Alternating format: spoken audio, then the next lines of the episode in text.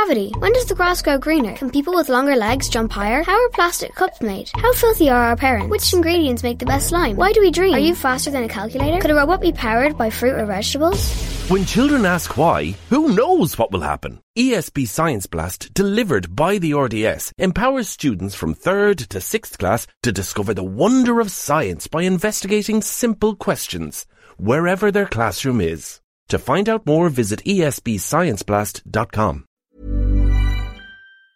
Jeg skulle gjerne sett en analyse av hvem som står bak Greta Thunberg. Blant våre politikere så er det jo svært få som har vært i arbeidslivet, svært få som noen gang har skapt noe som helst. Jeg gråter hver gang en norsk virksomhet blir solgt ut, og det gjør jeg virkelig. Jeg kaller dem de grønne kommunister. Her er Stavrum og Eikeland. Jan Petter Sissener, du er en av veteranene på Oslo Børs, og du står på høyresiden politisk. Er du fornøyd med seks og et halvt år med Siv Jensen og Erna Solberg?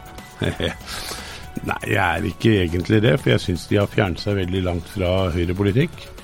Og eh, hvis man ser på tallene, så har det jo vært en eksplosjon i kostnadene. Og alle effektiviseringstiltak har ikke medført den rasjonaliseringsgevinsten man trodde. Og det brede svaret er egentlig nei, overhodet ikke. Da skal du få det tilbake igjen. Nå er du finansminister for et år. Hva hadde du gjort? Det første jeg hadde gjort, var å endre skattesystemet. Vi kan være uenige om hvor mye av klimaendringene som er menneskeskapt. Det det ikke er tvil om, er at Norge i dag har en veldig si, snever økonomi. Vi er helt avhengig av olje, og til dels fisk.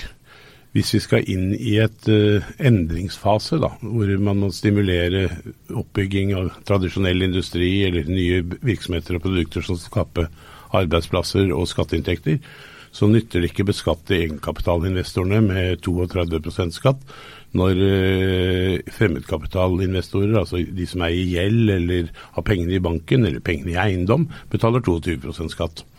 Den forskjellen må utjevnes. Enten ved at uh, utbytteskatten reduseres, eller ved at skatten på renteinntekter og eiendomsgevinster økes tilsvarende. Og det venstresiden i norsk politikk ser ut til å glemme til stadighet, er jo at kapital flytter seg dit hvor avkastningen etter skatt er høyest, og utsiktene er positive. Oslo Børs har 40 utenlandsk eierskap. 40% staten og 20% nordmenn i store tall. Hva er grunnen til at mange på venstresiden har så anstrengt forhold til børs og finansfolk? Det er nærmest skjellsord? Ja, det kan virke slik. Nå er jo venstresiden, særlig kanskje representert ved SV, mer kjent for å være et sutreparti enn å komme med løsninger. Uh, altså kan, jeg syns det er en tendens på venstresiden til bare å klage og klage og klage, og klage på større forskjeller og alt mulig rart. Nå er det ikke så rart at forskjellen blir større når vi stadig importerer folk i bunnen av skalaen. Men uh, det å se konstruktive forslag for hvor verdiskapningen skal finne sted i Norge for at vi skal opprettholde det sosiale systemet vi i dag har, de sosiale godene, det er en mangelvare de luxe. Jeg hadde gleden av å diskutere på var det Dagsnytt 18 med Miljøpartiet De Grønne, og deres erstatning for, for, oljeindustrien var at vi skulle eksportere tang og tare. Uh, og du vet, altså Hvis du skal få lov til å mene noe, så må du i hvert fall ha en basiskunnskap. Oljeindustrien skaper i størrelsesorden med stort og smått 280 milliarder kroner av inntekter for staten. All annen virksomhet i Norge, 330 000 virksomheter, skaper rundt 75 så det er jo ikke bare det at vi skal uh, vekk fra olje. Vi skal erstatte uh, 60-70 av statens inntekter fra selskapene. Og da må man være litt mer kreativ enn å tro at vi kan selge tang og tare. Men, men, altså, uh, det er jo kreativt. Det er jo kreativt. Absolutt. absolutt. Men, men, nå snakker vi om venstresida, ja. Men, men høyresida de har nå styrt i seks og et halvt år ca. De har jo ikke klart å gjøre så veldig mye med det heller. Og, og, og da tenker jeg sånn er det fordi at finansmenn, særlig da og litt finanskvinner nå, eh, altså gjør det vanskelig for politikerne å, å, å, rett og slett gjøre disse endringene? For altså er det Oppfører dere dere ikke godt nok, da? Er det noe galt? Altså, tenker jeg, for det, Hvorfor gjør ikke Erna noe med eh, det du sier? For det er jo relativt logisk, det du sier. Jeg håper det er logisk, for det er ganske riktig. Så uh, jeg håper det er logikk som også Erna og hennes uh, partifeller skjønner. Nå er det jo slik at uh, blant våre politikere så er det jo svært få som har vært i arbeidslivet. Svært få som noen gang har skapt noe som helst. De er stort sett rikssynsere, og de er tydeligvis så flinke at de kan hoppe fra departement til departement til departement og utforme den politikken. Uh, bakgrunnskunnskapen er det vel så som så med. Uh, og så er man veldig lydhør for velgermassen og reaksjoner på sosiale nettverk og sånt. Og det er dessverre slik at av og til så må det fattes, kall det eh, beslutninger som er til det beste på lang sikt, og som kanskje kan virke urettferdig. Men hvis man ser på hvem det er som betaler skatt i Norge, så er det jo ikke Stein Erik Hagen og de som de får noe skatteletter. Får vi bare håpe at de investerer pengene i Norge. Eh, de som virkelig monner, er jo middelklassen. Det er de som bidrar i statskassen. Venstresiden er veldig opptatt av ulikhet. Eh, er det et ikke-problem, eller er det et stort problem? Altså, ulikhet er alltid et uh, problem. fordi når du kommer til verden, så er det valg, det viktigste du gjør, er å velge riktige foreldre. Og Nå tenker jeg ikke bare på penger, men også foreldre som bryr seg, som bidrar til din oppvekst og gir deg sunne verdier og osv. Det valget kan vi aldri utjevne. Eh, så er det jo slik at man er ikke født like, og vi er helt avhengig av vinnere på andre steder enn på idrettsbanen. Eh, et Tesla kunne aldri funnet sted i Norge. Det er altså et selskap som har gått fra ingenting til en børsverdi nå i overkant av 100 milliarder dollar. Så må jeg gjerne mene at det er veldig overvurdert, og det gjør jeg jo. Men det er tross alt skapt en vanvittig virksomhet. Den virksomheten kunne aldri vært skapt i Norge. For du hadde blitt skattet i lenge før du kom eh, til børs. Fordi? Ja, altså, eh, nå tror jeg Elon Musk eier rundt eh, part 4-25 Det vil si at han eier aksjer for 25 milliarder dollar eller 23 milliarder dollar i et selskap som Så ikke, over 200 milliarder kroner? For, ja, over 200 milliarder kroner. I et selskap som ikke tjener penger. Og som ikke har noen utbyttekapasitet, men som produserer 400 000 biler, som er i og for seg revolusjonerende i, i, kan si, som bil. Men han skulle da i størrelsesorden betalt 1,7 milliarder kroner i året i eh, formuesskatt. Det vil si at han da måtte tjent 2,5 milliarder kroner i året bare for å betjene den skatten. Det sier seg at det går ikke. Men, det er rett og slett teoretisk umulig. Og, og Det mest skrelle eksempelet vi har, er jo tilbake en 20 års tid, hvor vi hadde et selskap på børsen som het Opticom, og hvor jo da Gude Gudesen, som var gründer, ble jo tvunget ut av landet og måtte selge aksjer og utvanne seg selv fullstendig bare for å betale formuesskatten. Det er jo Norwegian og Bjørn Kjos og Bjørn Kise. Det er ett. Du har familien Farstad i Ålesund som ville ha betalt mer i formuesskatt enn verdien av deres eiendeler nå. Så Formuesskatten er også en ting som må vekk, for det er et handikap for norske investorer. Folk flest kjenner jo kanskje et par eksempler, men er det mange eh, norske rike personer som har flytta til London og Sveits, som du kjenner til? Ja, altså, jeg tror ikke du behøver å spørre meg om det, men det er jo Smevik-familien, Høek-familien, til dels Wilhelmsen-familien osv. Og, og da Hagen-familien har jo flyttet til utlandet. Uh, og jeg tror den hovedårsaken er jo at de er jo, tror jeg, formuesskatten. Tilbake til MDG sitt kreative forslag om tang og tare. Um, kan vi leve langsiktig av oljen, eller hva er det vi skal leve av, tenker du? Vi kan leve i mange år til av oljen, og det skal vi gjøre, og det kommer vi til å gjøre. Problemet med oljen er at uh, på en 50 års sikt, eller 100 års sikt, så kommer jo den etter hvert til å bli fadet ut. Uh, I hvert fall etterspørselen kommer til å synke mye. Eh, men det er ekstremt lang sikt. Og denne fasen vi er i nå, må brukes til å skape alternative energier. Norge har noen kompetitive fortrinn. Vi hadde i hvert fall tilgang på billig energi, som skapte grobunn for Hydro, Elkem og uh, Yara og andre virksomheter. Vi har verdens mest, eller høyest utdannet befolkning i snitt. Men dette må vi bruke, og vi bruker det kommersielt. Altså Det jeg savner hos politikerne og de som tenker, det er en kommersiell tanke. Hvordan skal Norge tjene penger i fremtiden? Og Da må du stimulere oppstartsbedrifter, du må stimulere eh, til å ta risiko. Og ved å ha et, ha et, skattesystem hvor risikofri kapital og eiendom ser jeg som nesten risikofritt, i hvert fall i forhold til å starte en egen ny virksomhet, beskattes med 22, mens risikokapital beskattes med 32. Det hører ikke noe sted hjemme. Og Jeg sier ikke at de 32 skal ned til 22, det er godt mulig at de skal møtes på midten, men du kan ikke ha 10 prosentpoeng øh, for, forskjell på de to skattesatsene. Men, men, men, det du er inne på her nå, det er jo at det finnes veldig lite risikokapital i Norge i dag. Veldig lite. da- Også privat, altså, for å si det sånn. Eh, vi har jo, altså, Den offentlige har jo, altså Den norske stat har jo den største pengebingen i verden. Ja, Eh, i hvert fall én en av. En av. Og det investeres da alt, eller det meste, i utlandet. Eh, kunne man ha gjort noe med bruken av oljefondet? Det er klart at uh, man har vært redd for å bruke oljefondet hjemme fordi det vil skape press på økonomien, som allerede går mer eller mindre for full maskin takket være oljeindustrien. Uh, jeg tror at skulle man gjøre noe, så må det være å stimulere privat initiativ. Jeg tror ikke staten egner seg som et ventureselskap eller noe sånt. Ja, de kunne sikkert hatt noe venture. Jeg tror skulle de bruke noe, så måtte det være å bruke mer, kan si, bli litt aggressive. Eh, Du ser jo at andre såkalte statlige fond, sovereign funds, bruker jo pengene kanskje litt mer som aktivister og Tenker på kineserne, Kineserne, Abu Dhabi Abu Dhabi, Kuwait osv.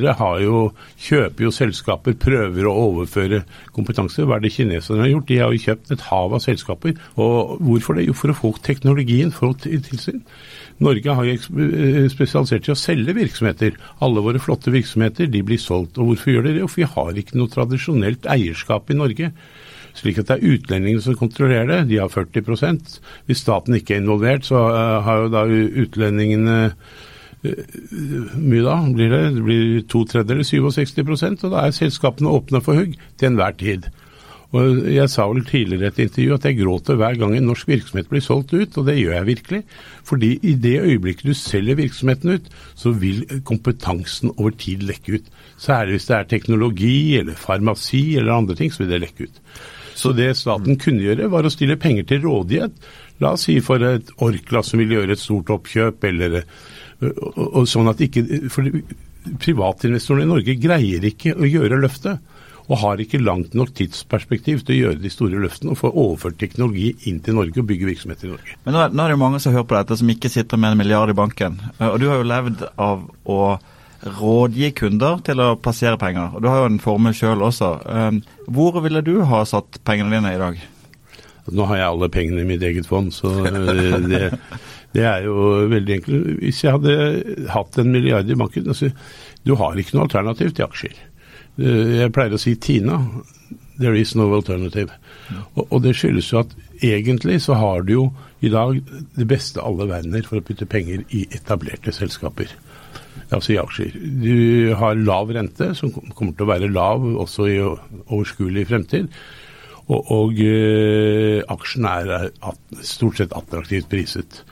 Masse aksjer er attraktivt priset. De aksjene som har virkelig gått, er jo selskaper som ikke tjener penger, i hvert fall på Oslo Børs. Jo, men, men, men det er jo all time high nå, så da blir man i utgangspunktet alltid litt sånn Det skal, litt være, det skal jo være all time high hvert år. Ja. Eh, og nå er det jo så- godt som det kan bli. Altså Hver dag så jobber det masse mennesker for å skape verdier for de virksomhetene som er på børsen. Så hver dag så skapes det bitte lite grann overskudd for mange av dem. Og da skal det jo hver dag gå bitte lite, bitte, bitte lite grann, alt annet like. Så jeg, jeg tror ikke man skal la seg skremme av at det er eh, all time high.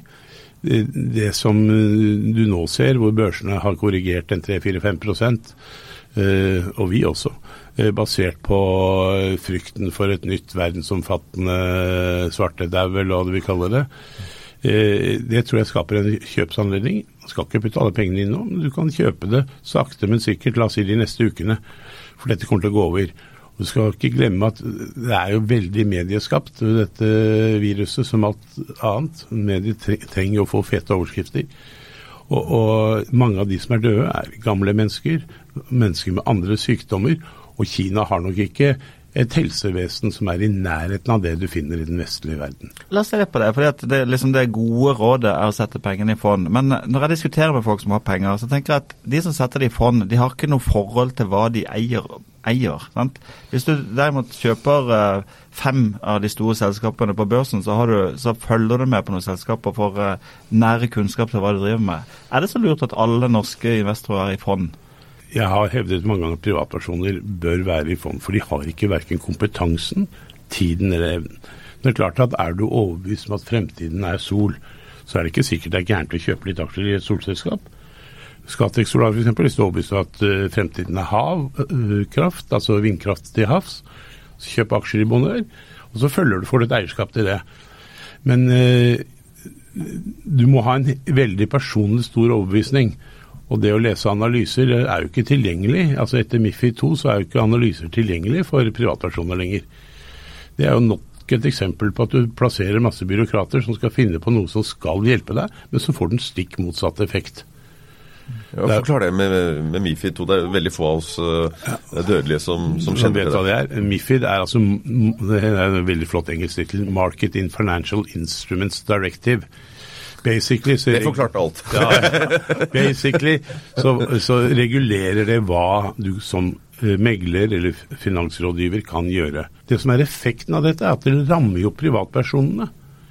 For de får ikke de rådene de trenger. Og da blir de svevende litt for seg selv og leser gamle analyser og ikke helt vite hva som er driverne.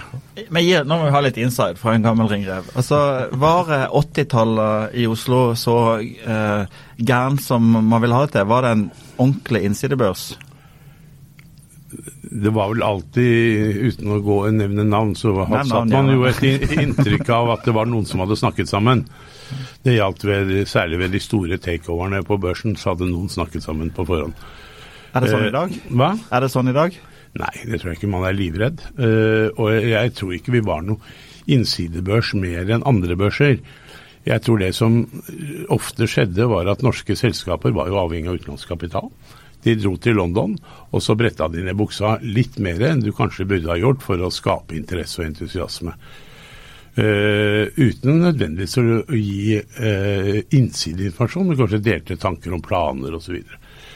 Så eh, Den gangen så var jo Finanstilsynet én mann på, på et kontor som het Solem. Meglerkontrollen, som det het. Man var nok kanskje litt mer slepphendte den gangen. Og, men så skal du også huske på at den gangen så var ikke informasjon øyeblikkelig. I dag er enhver informasjon øyeblikkelig over alle kanaler. Den gangen så ble nyheter hengt opp på en tavle i børssalen. Øh, ikke engang i børssalen, ble hengt opp utenfor børssalen. Så for oss som røkte, så var det faktisk en fordel, for da gikk vi ut av det der inne i hvilerommet, og der hang jo de siste nyhetene, og hvis det var noe spennende, så kunne vi løpe inn og handle igjen. Ja, Det er jo herlig, da. Ja. Men, men det er jo ikke noe tvil om at på, på 80-tallet så var det litt mer eh, Texas og litt mer drikking i lunsjene. Altså det, var, det var et helt annet sånn greie enn det er nå. Eh, Det er det ingen tvil om. Ja. Men, men, men så Men Var det da du fikk nav- mellomnavnet ditt Courvoisier? Nei, det er jeg faktisk født til. Eh, Jeg er født Jean-Pierre Courvoisier, og eh, av en sveitsisk far og en norsk mor. Og Den siste navnet kom først når de ble skilt og min mor flyttet hjem. Ja, men det er, det er også en navn på en konjakk, hvis ikke jeg husker Ja, det er Ja, dessverre ikke related. Er du ikke related? Nei, det, Men, men altså, vi var litt innom det i sted. Altså, Finansmenn blir jo ofte altså, har et dårlig rykte på seg. Og så kan jo noen mene jo at det er, selvforskyldt. Eh, vi- ser nå med Exit, som var den store hypen her i, i, i høst. Eh, det er andre TV-serier nå som, eh, som, som går hvor det er alltid finansmenn eller advokater. Altså forretningsadvokater. De blir jo fremstilt som de største psykopatene. Um, men er det ikke litt i det òg? Det er jo mye, det mye alfahanner i, i, i finansbransjen. Nå, vet ikke helt hva du mener med alfahanner, men det er jo ingen tvil om at det er blitt tatt flere metoo-eksempler i mediebransjen og i filmbransjen enn i finansbransjen. Så, så Nå kommer Gunnar rett fra rektors kontor nå. Nei, Altså, altså, du, må, du, må, du må jo se hvem det er som lager storyen, og det er jo media stort sett. da. Og Du har jo ikke sett media lage story om mediebransjen. Uh, filmbransjen har vel fått sitt uh, i de siste årene, men nei, jeg tror eh, det er noe mystisk, ikke sant. Og så har det vært, og jeg må gjerne understreke har vært, en periode si fra 83-84, kanskje som akselererte inn mot 2000, med veldig stor lønnsomhet i, i meglerbutikkene. Og, og ditto store bonuser og inntekter. Og så trodde alle at uh, dette var folk som ikke gjorde noe og ikke jobbet. Uh, de som jo bare tror at vi går på jobben klokken åtte og hjem klokken fire og sitter og drikker hele dagen, de kunne få sin opplevelse hvis de fotfulgte meg et døgn på den tiden der. Men, men eh, Fortell, uh, fortell litt, Nei, de nei, nei, nei, dette, altså, jeg, jeg uh, husker Var du snill gutt, Jan Petter, når du var ung? ja, altså, jeg kjenner meg ikke igjen i Exit og de beskrivelsene de er. Og, og jeg kjenner jo veldig mange i finansmiljøet. og Når du snakker f.eks. om kokain, jeg aner ikke hvordan kokain ser ut. Ikke har jeg noe behov for å se det heller. Men altså, jeg ville ikke kjent det igjen. Og jeg tror ingen av de jeg kjente eller kjenner, brukte kokain. La oss, la oss bore litt dette. dette. Dette interesserer jo liksom folk flest. Når du eh, så Exit, er det sånn at eh, du kunne kjenne igjen disse fire personene? Jeg har ikke sett Exit, jeg har bare lest om det i media. Eh, Jeg har sier at mitt TV-forbruk i løpet av et år dreier seg om kanskje tre-fire fotballkamper og noen dagsrevyer.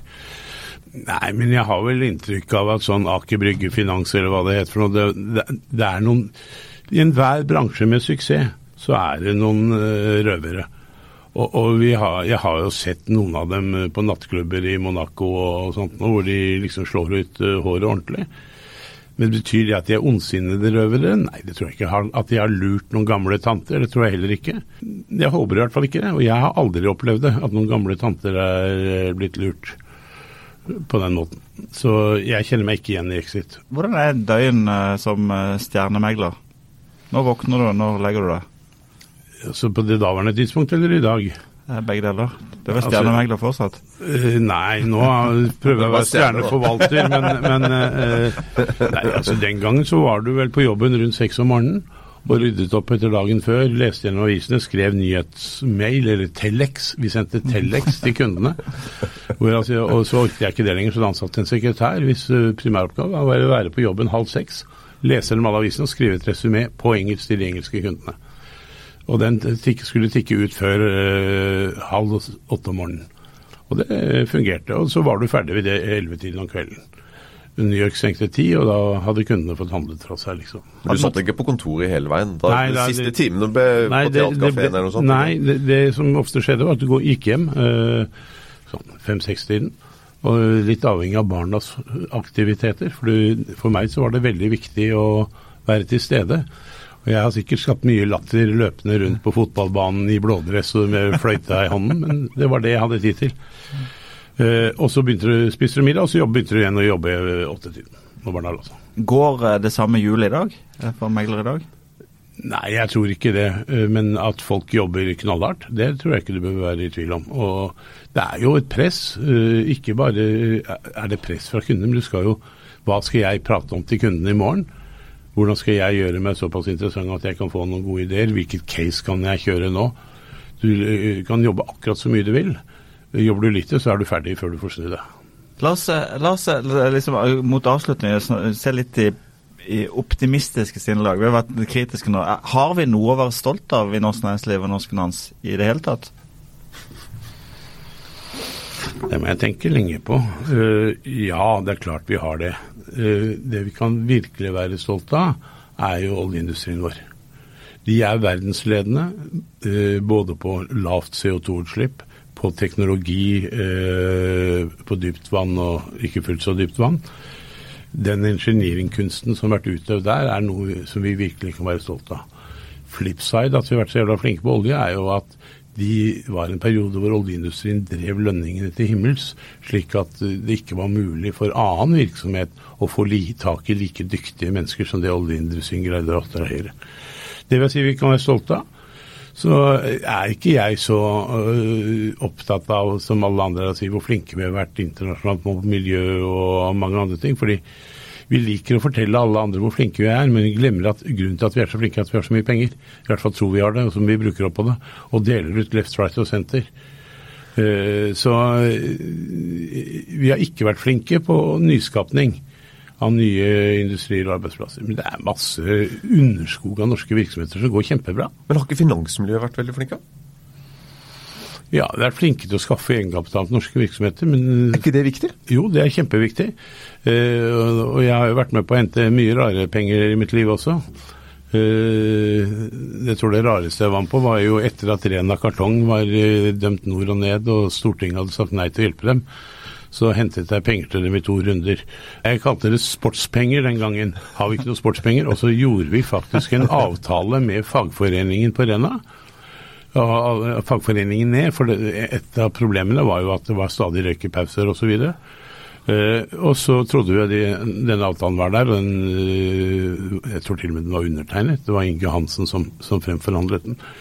Men så viste det seg da etterpå at de fikk ikke lov av LO sentralt å inngå den type avtaler. Så da hadde vi hentet inn pengene på feil premiss. Men de levde bra et par år, lenger enn de ellers skulle ha gjort. Hvilken person eh, beundrer du mest i næringslivet i moderne tid i Norge? Ingen tvil den som har skapt mest, tror jeg det er Jens B. Eierdal. Kan si Tar du perioden fra han overtok rundt 1980 og frem til eh, rundt 2000, så var det en eventyrlig utvikling for Orkla. Jeg så et litt verre spørsmål. Hva sier du til uh, dine barn og mine barn som er veldig redd for uh, menneskeskapte klimaforandringer og framtiden på kloden? Jeg sier at jeg tror dette med det som er menneskeskapt, er overvurdert. Eller det vi kan gjøre noe med. Det er jo ingen tvil om at det å være syv milliarder mennesker, eller etter hvert bli ti milliarder mennesker, skaper noe, er et helt annet press på hele jordens økosystem. Men jeg tror ikke det er noen grunn til å frykte noe som helst. Vi har en tilpasningsdyktighet som er ganske stor. Så jeg tror jeg heller man skal bruke energien på å, å, å gjøre med ting man kan gjøre noe med, og så bruke litt mindre penger og energi på ting som ikke betyr noe. Så dere har ikke vært bekymra? Nei, jeg, hvor skal jeg være det? Eh, jeg kommer til å være død lenge før dette ble et problem, men jeg er ikke bekymret for mine barnebarn heller. Så eh, slapp av. Og, og for å være helt ærlig, jeg skulle gjerne sett en analyse av hvem som står bak Greta Thunberg. fordi at det er ikke henne selv som har verken skrevet dette eller gjort det. Hun er en frontfigur for noen, og de har store penger. Og vi skal ikke glemme heller at det er mange virksomheter og mennesker som tjener enorme summer på alle disse klimahysteriet, som jeg nesten vil velge å kalle det. Og at vi må ta ting med en liten klype salt. Det er ikke lenge siden vi så at var det 500 såkalte klimaspesialister ba FN om å roe seg litt. Fordi Å begynne å tenke litt mer langsiktig og slutte med hysteri. For hysteri kan være en farlig faktor, det. Miljøpartiet De Grønne skyver jo miljøet foran seg for innen omtrent drive kommunisme. Så det er ikke langt unna, i hvert fall. Så jeg kaller dem de grønne kommunister. Sånn er det.